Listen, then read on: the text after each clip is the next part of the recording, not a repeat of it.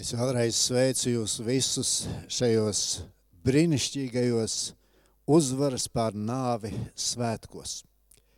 Un šodien mēs Vīlands draudzē un kas esat kopā ar mums šajā svētdienā, mēs noslēdzam mūsu svētrunas sēriju, kuras saucas pretī uzvarai. Mēs svinam šodien šos svētkus.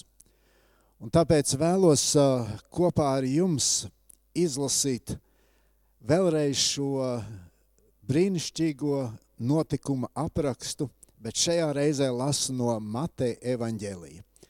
Un 28. nodaļā no 1. līdz 10. pantam mēs lasām.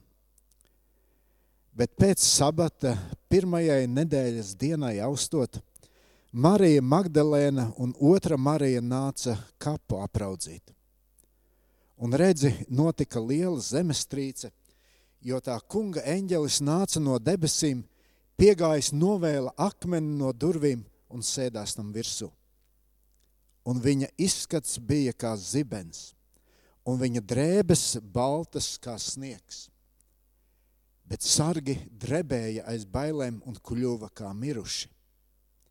Bet eņģelis uzrunāja sievas un sacī, sacīdams, nebīsties, jo es zinu, ka jūs meklējat Jēzu krustā sisto. Viņš nav šeitan, jo viņš ir augšām cēlies, kā viņš sacīs. Nāciet šurp un raugājiet to vietu, kur viņš gulēja.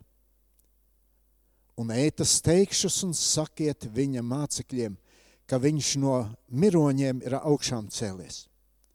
Un redzi, viņš jums pa priekšu noies uz Galileju, tur jūs viņu redzēsiet. Redzi, es jums to esmu sacījis. Un tās teikšus izgāja no kapa ar bailēm un ar lielu prieku un tecēja to vēstīt viņa mācekļiem. Un redzi, Jēzus nāca tam pretim un sacīja – esiet sveicinātas. Bet tās piegāja pie viņa, apkāpa viņa kājas un krita viņa priekšā pie zemes. Tad Jēzus saka uz tām: Nebīsties, ejiet un sakiet to maniem brāļiem, lai viņi noiet uz Galileju, un tur viņi mani redzēs. Debes Tēvs, Tu mums šodien dāvā šo dienu un arī šo iespēju pārdomāt Tavu vārdu. Un palīdzi mums šajā rītā pieņemt šo vārdu, jo tā ir patiesība. Tu, Kristu, esi augšām cēlies.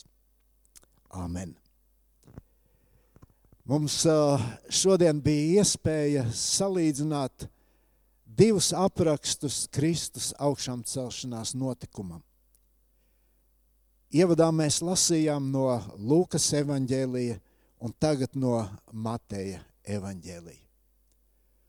Un jūs, ja klausījāties, tad droši vien ieraugat arī kādas lietas, kas tur atšķiras. Matejs ļoti neparasti apraksta šo notikumu. Un ja jums ir priekšā atvērtas bībeles, tad paskatieties, kā šis notikuma apraksts sākas pirmajā pantā un kā noslēdzas desmitajā pantā. Sākas šis apraksts ar dziļām skumjām. Šīs sievietes ir noskumušas, viņas dodas pie kapa un noslēdzas šis apraksts ar prieku. Un starp šiem diviem emociju pārpilniem momentiem Matejs ļoti īpašā veidā apraksta, kā Kristus augšām celšanās vēsts izmaina cilvēkus. Es domāju, mums katram šodien ir tik ļoti svarīgi sap, saprast un arī sajust šo Kristus augšām celšanos. Dievs grib, lai mēs priecātos. Un lai šis prieks ir no tā, kas notika tajā rītā pie kapa. Protams, žēl, ka tas prieks, ko piedzīvoja šīs sievietes un mācekļi tajā rītā, šodien mums vairs nav tik emociju pārpilns. Mēs tik spilgti to nevaram izjust. Mēs šodien lasām, mēs sakam viens otram, Kristus ir augšām cēlies, viņš ir uzvarējis nāvi. Bet tajā pat laikā šis prieks paliek kādu prieks starp šo prieku un mūsu prieku ir vairāk tūkstošu gadu. Ir vairākas paudzes. Un mums varbūt šodien pietrūks šo spilgto sajūtu. Bet šodien kopā ar jums es gribu padomāt par to, ka prieks par Kristus augšām celšanos ir atkarīgs no tā, kas mums ir Kristus. Ir atkarīgs no tā, kāda ir mūsu dzīve. Padomājiet kaut par pirmajiem kristiešiem. Viņi tika nežēlīgi vajāti. Viņi ne tikai turpināja dzīvot šo dzīvi ar šo ticību Kristum, bet viņi to darīja ar prieku. Šiem cilvēkiem bija šis spēks, un tas nebija tikai 11 mācekļiem vai tiem 500 uh, cilvēkiem, kur redzēja augšām cēlušos Kristu. Bet šo prieku mēs redzējām, redzam vairākās paudzēs.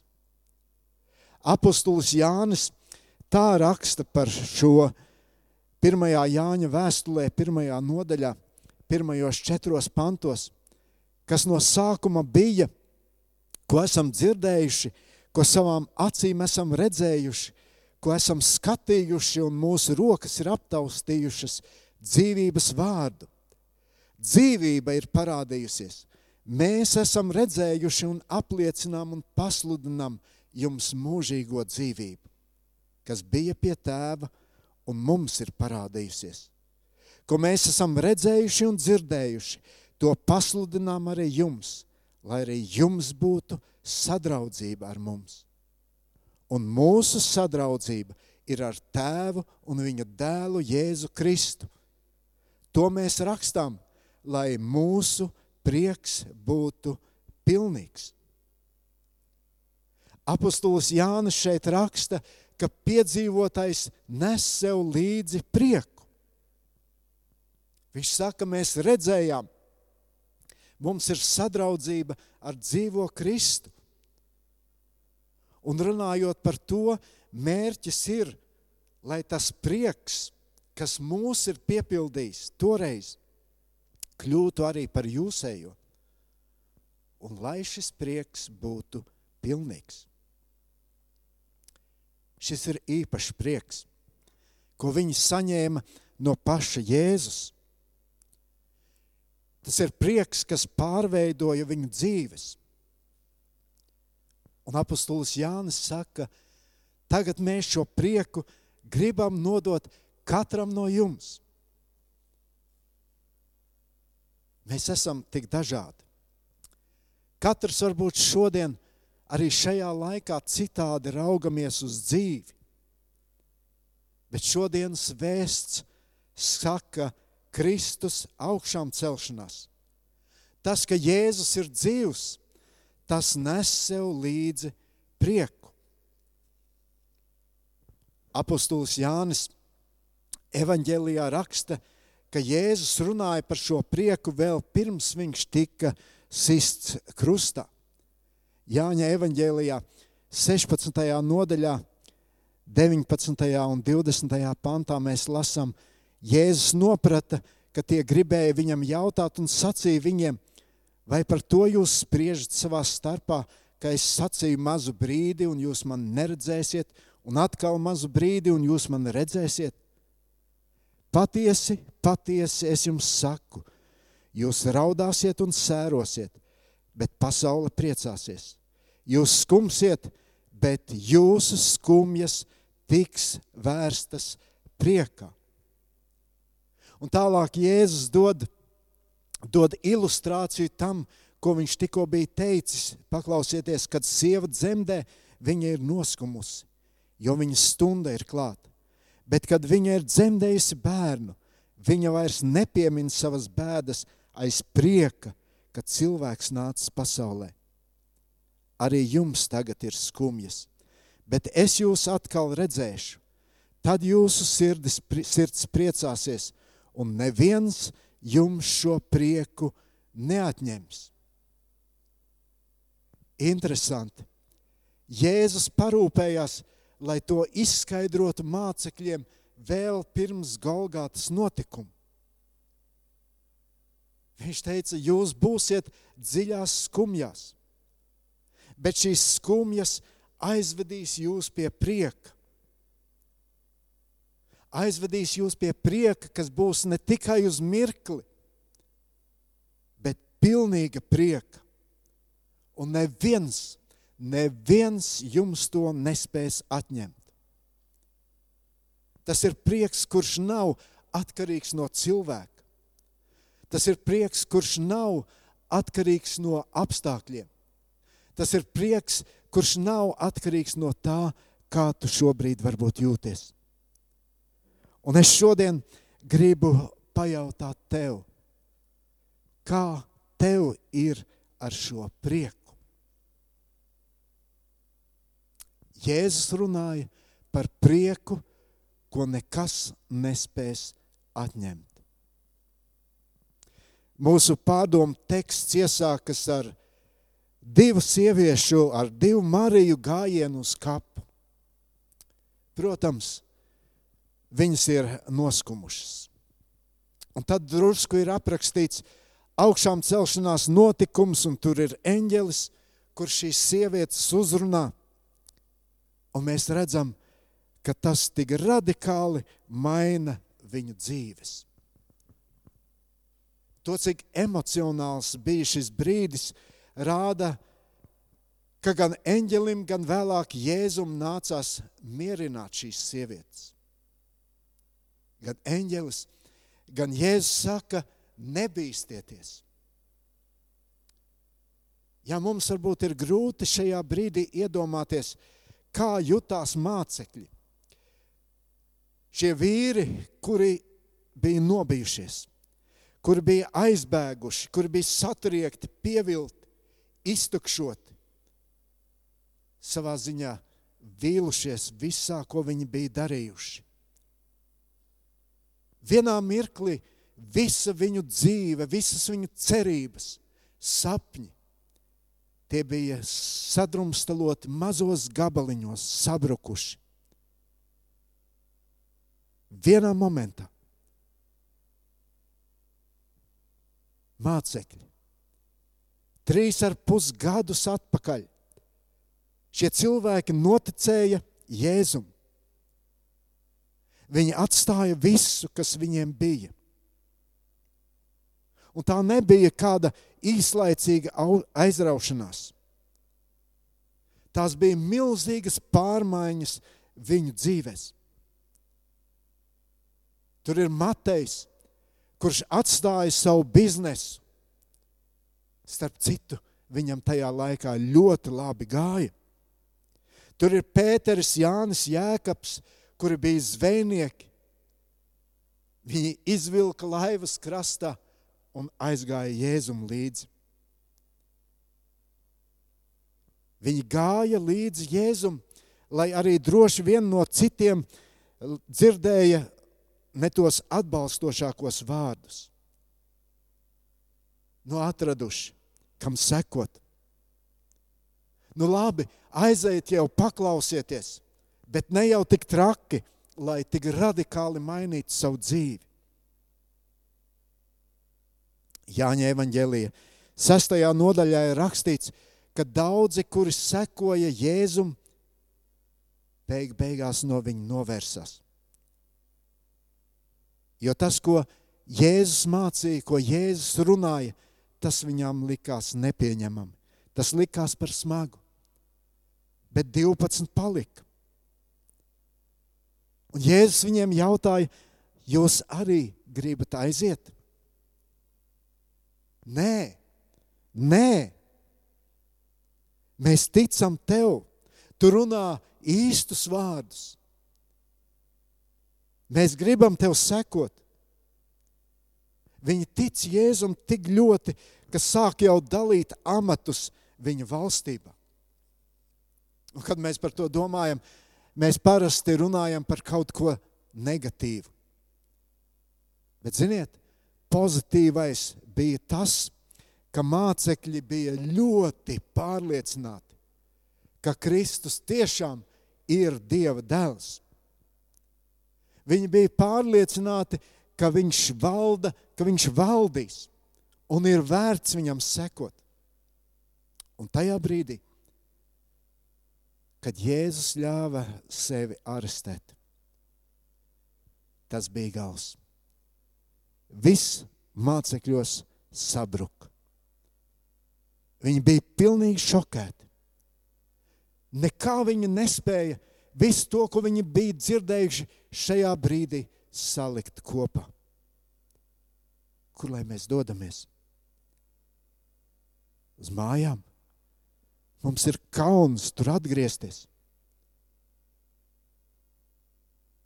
Nekas vairs mums nebija.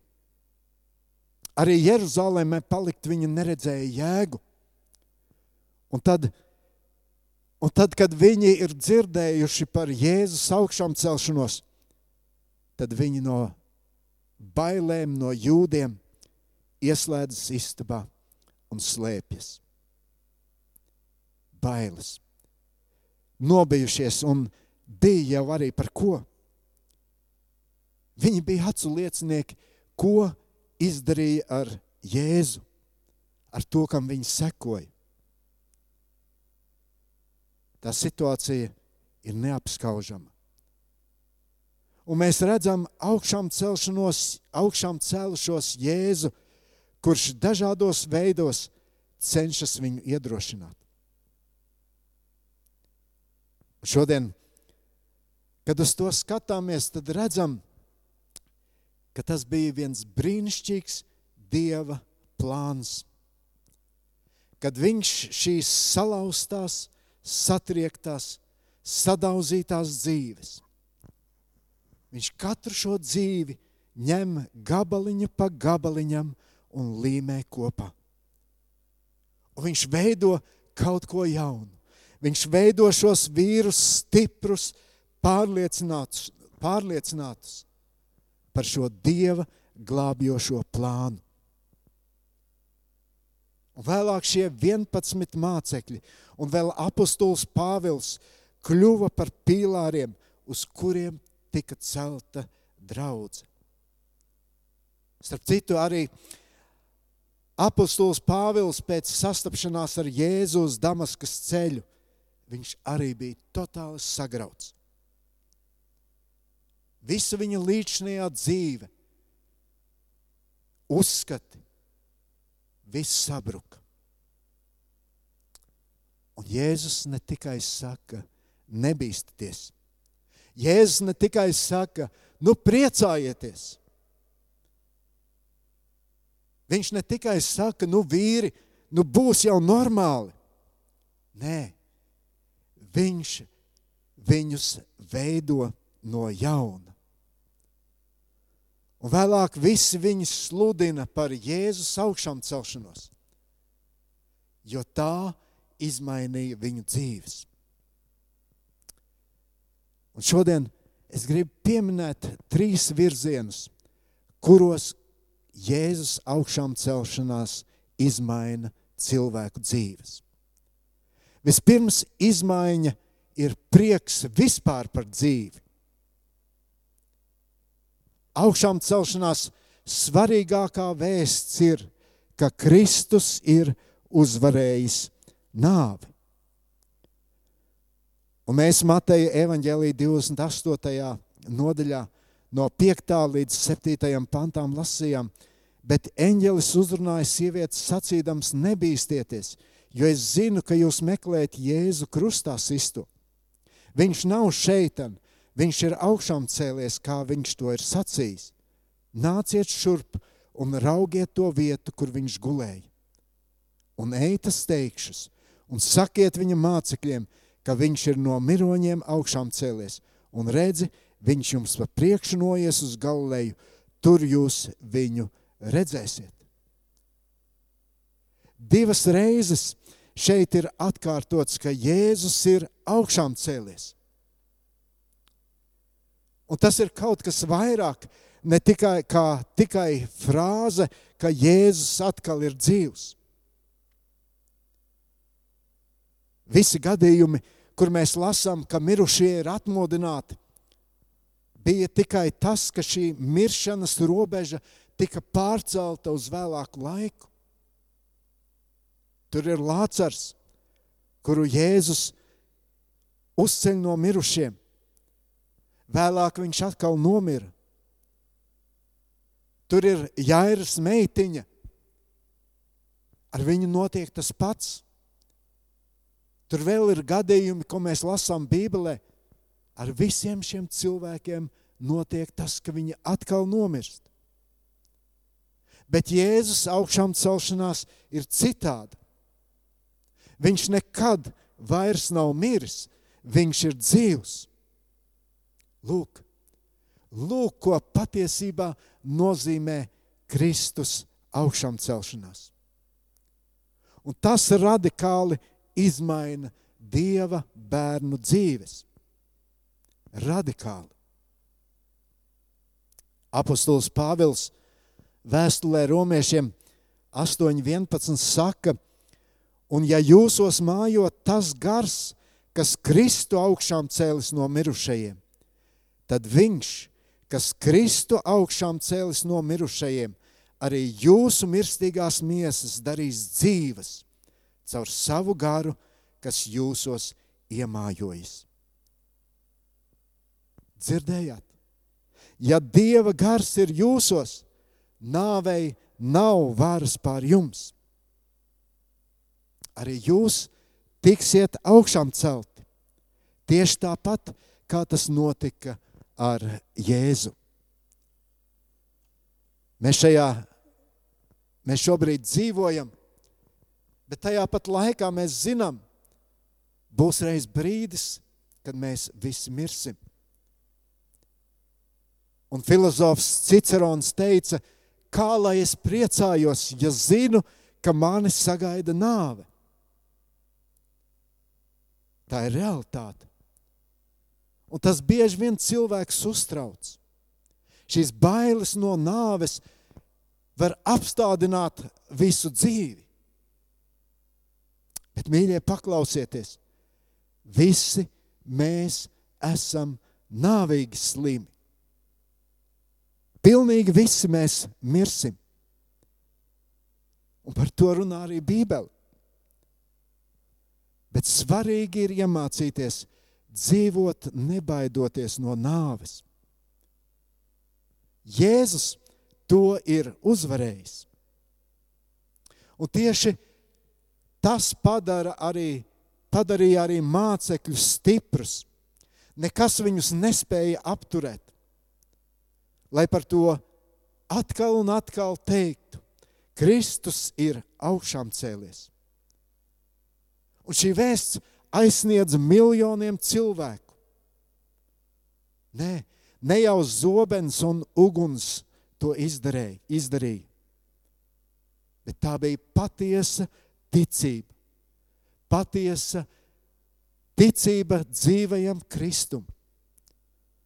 Un dzīve, kas to apliecināja. Tā to izdarīja. Paskatieties, cik pārliecinoši apustulis Pāvils par to runā. Un tajā brīdī viņš atrodas Romas cietumā, zinot, tuvu ir tā stunda, kad mana dzīvība man, man tiks atņemta. Un viņš raksta Filipiešiem pirmajā nodaļā, no 20. līdz 21. pantam. Manas karstākās ilgas un cerības ir, kā tāpat kā, tāpat kā vienmēr, arī tagad, vai caur dzīvību, vai caur nāvi, Kristus tiks augsti pagodināts manā miesā. jo dzīvot man nozīmē Kristus, un mirt man ir iegūms. Pāvils šeit saka, ka nāve ir zaudējusi savu spēku.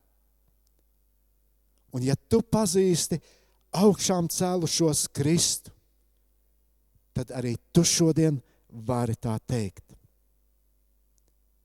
Vai tu šodien spēj priecāties par dzīvi, arī tad, ja ir jāpiedzīvo grūtības, ciešanas, varbūt vajāšanas, slimības? Zinot, tam visam reiz pienāks gals. Ar Kristu tas ir iespējams. Apmēram 60 gadus pēc savas augšām celšanās Jēzus atklājas apustulim Jānim, kad viņš atrodas Patmos salā. Un paklausieties, ko apustulis Jānis saka. Viņu ieraudzījis, es nokritu pie viņa kājām kā miris. Un viņš uzlika man savu labo roku un teica, nebīsties. Es esmu pirmais un pēdējais un dzīvais. Es biju miris un redzi, es esmu dzīvs mūžu mūžam, un man pieder nāves un elles atslēgas. Au, kas par Jēzus Kristus vizītkarti? Un, mīļais draugs, viņš tev šodien to sniedz un saka, es esmu pirmais un pēdējais. Es esmu uzvarējis nāvi. To vienmēr atceries. Augšām cēlušais Kristus dod prieku dzīvot. Viņš dod šo brīvību no bailēm. Otra izmaiņa ko dod augšām cēlušais Kristus, ir prieks par piedošanu. Mēs jau pieminējām mācekļus. Es domāju, tas bija tik svarīgi, svarīgi priekš šiem cilvēkiem. Jo viņi jau cieta ne tikai tāpēc, ka viņu plāni izgāzās, bet viņi saprata, mēs esam bijuši tik gļēvi. Mums ir tik ļoti kauns par sevi. Un katrs no viņiem noteikti sev pārmeta, nu kā tu tā varēji. Faktiski viņi tajā brīdī jutās kā nodevēji. Pirms nedaudz dienām taču viņi visi vienā balsī apgalvoja, ne es, ne es, ne es. Mēs tevi neaizliegsim, mēs tevi neatstāsim, mēs par tevi iestāsimies. Es nezinu, kā tie citi, bet es nē.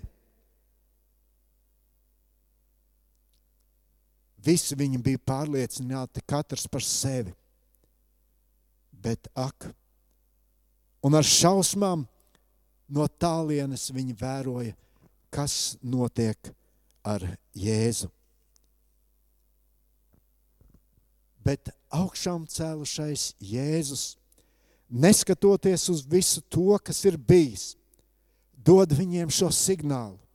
Es piedodu. Es piedodu. Tad Jēzus tam sacīja: Nebīsties, ejiet, paziņojiet maniem brāļiem, lai tie dodas uz Galileju, tur tie mani redzēs. Jēzus to saka abām Marijām. Viņš, viņš dod šo uzdevumu. Es gribu, lai mācekļi to zinātu. Vēl vairāk, es ar viņiem gribu tikties. Un Marka evanģēlijā ir īpaši izcelts, pie, pasakiet to noteikti arī Pēterim. Atcerieties, viņš īpaši izcēlās, noliedzot Kristu. Tas bija tik spēcīgs signāls. Es neturu rūkumu pret jums. Es domāju, tas bija tik svarīgi visiem mācekļiem. Pats Jēzus. Pats Jēzus meklē kontaktu ar mums. Jēzus nešķiroja, kurš tur vairāk, vairāk sarunāja un kurš mazāk. Nu, lai tas Pēteris drusku vēl pamokās, vai ne? Kristus ļoti labi zināja, nepiedots grēks nospiež cilvēku. Un ķēniņš Dāvids 32. psalmā, 1. pantā saka, svētīgs, laimīgs cilvēks, kam piedoti noziegumi, kura grēki ir nolīdzināti. Draugi, mēs varam censties un mēģināt apslāpēt grēka vainu, bet īstu laimi, īstu svētību mēs neizjutīsim līdz tam brīdim, kamēr nebūsim sastapušies ar krustā sisto un augšām celšos Kristu, kurš vienīgais var mūs no tā atbrīvot. Vēl vairāk, pēc savas augšām celšanās Jēzus nevienu reizi mācekļiem šo viņu neusticību nepiemin. Viņš piedod pa īstam. Un tajā brīdī, kad viņš satiekas ar mācekļiem, kad viņi ir paslēpušies aiz slēgtām durvīm, viņš saka, miers jums. Vai mācekļiem bija pamats uz to cerēt? Nē. Viņi varēja cerēt, ka izskatot šo lietu, kāds varbūt būs vairāk vainīgs vai kāds mazāk. Bet, mīļie draugi, šī Jēzus attieksme rāda, ka viņš ne tikai pie krusta nomira par viņu grēkiem, bet viņš nepiemin viņu grēkus. Un tas ir apbrīnojami. Mēs katrs droši vien kādreiz būsim cietuši citu vainas dēļ, vai ne? Kāds kaut ko izdara, un tad tevi vaino. Nu, nav patīkami sajūta. Jēzus cieta pilnīgi netaisni. Viņš cieta manā un tavā vietā. Un šodien augšām celtais Kristus saka, tev ir piedots. Tavi grēki tev ir piedoti. Tad mēs nonākam pie trešās izmaiņas, ko nes līdzi prieks par Jēzus augšām celšanos. Un tas ir prieks kalpot. Jāņa evanģēlijā 20. nodaļā 21. pantā Jānis apraksta brīdi, kad Jēzus sastopas ar mācekļiem. Jēzus viņiem sacīja: Miers jums! Kā Tēvs mani sūtīs, tā es jūs sūtu. Kas par uzdevumu? Kas par uzticēšanos pēc visa tā, kas ir noticis? Un viņš to saka vienkāršiem cilvēkiem. Viņš to saka arī tev un man. Un vēlāk, apakstuļu darbos 4,33 mēs lasām, un apakstuļi ar lielu spēku liecināja par Jēzus Kristus augšām celšanos, un liela žēlastība bija pār viņiem visiem. Vai tu šodien pazīsti šo Jēzus augšām celšanos, augšām celšanās prieku? Vai tu šodien arī šajās, šajos apsto, apstākļos atrodoties, vai tu dzīvo ar šo prieku? Un vai tu esi šī prieka nesējs tālāk šodienas pasaulē? Lūksim. Mīļais eh, debes Tēvs, paldies par šo prieku, ko mēs saņemam, zinot, ka Kristus ir dzīvs. Un ka mums nav jādomā tikai par tiem tālajiem notikumiem, bet ka mēs varam domāt arī par šodienu. Jo tu, kungs, esi tas pats vakar, šodien un mūžīgi. Un paldies, ka tavs vārds mums šodien to atgādināja, ka tas prieks ir katram vienam no mums dots. Un šis prieks mūsos ienāk sastopoties ar tevi. No tevis saņemot piedošanu arī par visiem mūsu grēkiem. Un no tevis saņemot uzdevumu, iet šajā dzīvē un apliecināt tevi. Palīdzi mums katram to piedzīvot. Amen.